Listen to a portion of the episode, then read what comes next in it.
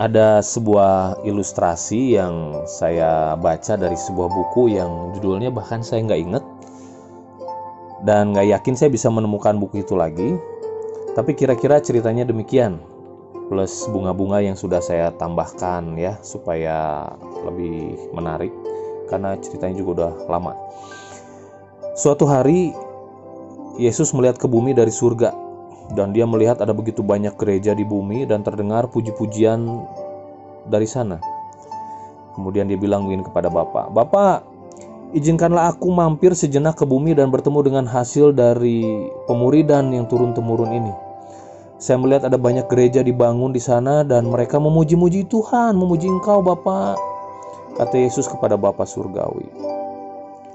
Kemudian Bapak menjawab, Kau tahu, waktumu belum tiba untuk kembali ke bumi. Saya tahu Bapak, tapi saya ingin sebentar saja melihat ada begitu banyak jiwa-jiwa yang menikmati kasihmu, begitu banyak orang yang mengenal engkau. Kemudian Bapak menjawab sambil sedikit menundukkan kepalanya. Engkau akan terkejut ketika turun ke bumi, nak. Itulah Bapak, saya sangat penasaran, ingin melihatnya, jawab Yesus antusias. Baiklah, silahkan kau turun ke bumi, tapi jangan berbuat apa-apa. Setelah Yesus setuju dengan pesan Bapa, Yesus segera meluncur ke dunia dengan perasaan sukacita dan penasaran tentunya. Ketika ia sampai di satu persimpangan jalan di sebuah kota, ia melihat ada sekelompok orang keluar dari gereja dengan Alkitab di tangan mereka. Dengan selera humor yang tinggi ia menyapa mereka, "Hai, apa kabar kalian semua? Masih ingat saya?" Tebak, apa respon mereka? Siapa tuh? Sok akrab banget. Yuk ah kita cepet-cepet jalan ya, kabur-kabur. Sambil terheran-heran Yesus melihat kepergian mereka. Buat dia sangat mengherankan karena mereka tidak mengenal dia. Oh, mungkin jiwa baru kemudian dia berpikir. Segera Yesus memutuskan untuk menuju ke salah satu gereja, gereja yang tadi, sekaligus hendak menanyakan kejadian tadi. Pas di depan gereja, keluar seorang pelayan penyambut tamu yang hendak pulang. Terlihat wajahnya cukup letih. Mungkin karena banyak sekali yang datang beribadah di sana, sehingga banyak orang yang harus disambutnya. Tergerak hatinya oleh belas kasihan untuk menghibur dan memuji pelayanan yang luar biasa yang dikerjakan oleh pelayan tersebut. Luar biasa yang kamu kerjakan seharian ini. Terima kasih sudah menyambut mereka dengan sukacita kata Yesus sambil mengajak orang tersebut berjabat tangan dan menepuk bahunya. Memangnya kamu siapa? Jawab orang itu ketus. Gembala bukan. Siapa? Saya nggak kenal. Kamu juga tidak mengerti apa yang sedang saya kerjakan. Capek tahu? Sudah, saya mau pulang, mau istirahat. Bukan main kagetnya Tuhan Yesus kali ini. Mengapa sikap orang itu begitu berbeda dengan apa yang sedang dia kerjakan tadi? dan mengapa mereka tidak mengenalnya. Setelah orang itu pergi dengan sepeda motornya, segera Yesus mengetuk pintu gereja.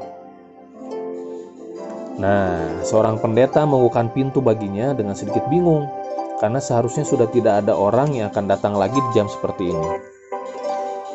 Dengan wajah terkejut bukan main melihat siapa yang datang, segera pendeta tersebut menarik tangan Yesus ke dalam gereja dan menutup kembali pintu gereja. Apa yang kau lakukan di sini? Tanya pendeta tersebut. Loh, engkau mengenali aku? Tanya Yesus terheran-heran. Tentu saja aku mengenalmu. Engkau Yesus yang seharusnya diam di surga sana. Mengapa engkau datang ke bumi ini? Apa yang hendak kau lakukan atas gereja kami? Apakah engkau hendak membongkar bangkir gereja seperti dulu? Apakah engkau hendak berdebat dengan kami? Lihat, begitu banyak jemaat kami mereka semua memuji-muji Engkau setiap kali beribadah di sini. Mereka berdoa kepadamu setiap kali. Jadi, mau ngapain kau ke sini?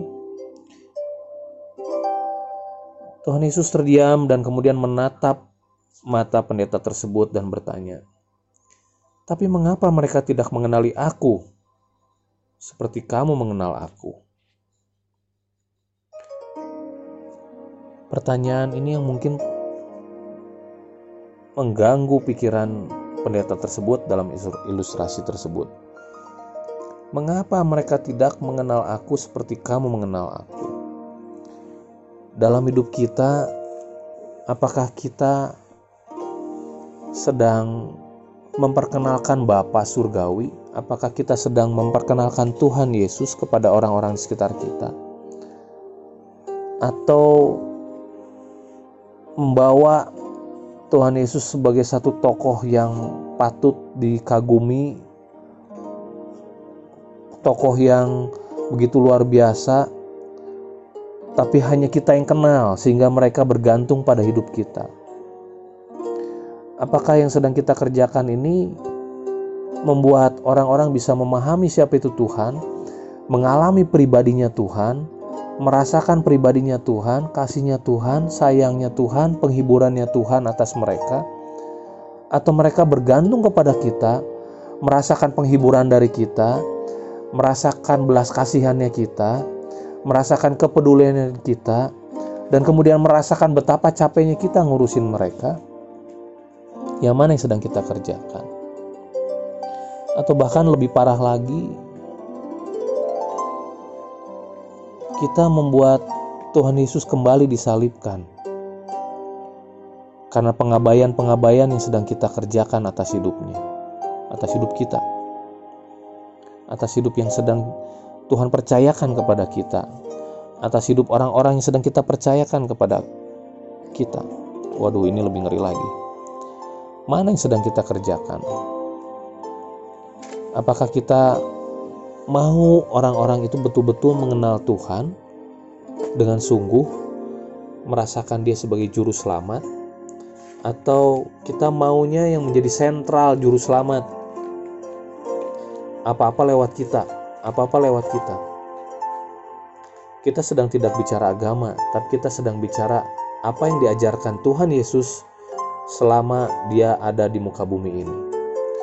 Tuhan mau kita pergi, jadikanlah semua bangsa muridku, membaptis mereka dalam nama Bapa, Putra, dan Roh Kudus, mengajarkan segala sesuatu yang telah Tuhan Yesus ajarkan kepada kita, supaya mereka mengalami hal yang sama, dan kemudian mereka bagikan lagi kepada orang lain, supaya orang lain juga merasakan Tuhan, merasakan kasih Tuhan, merasakan pribadinya Tuhan.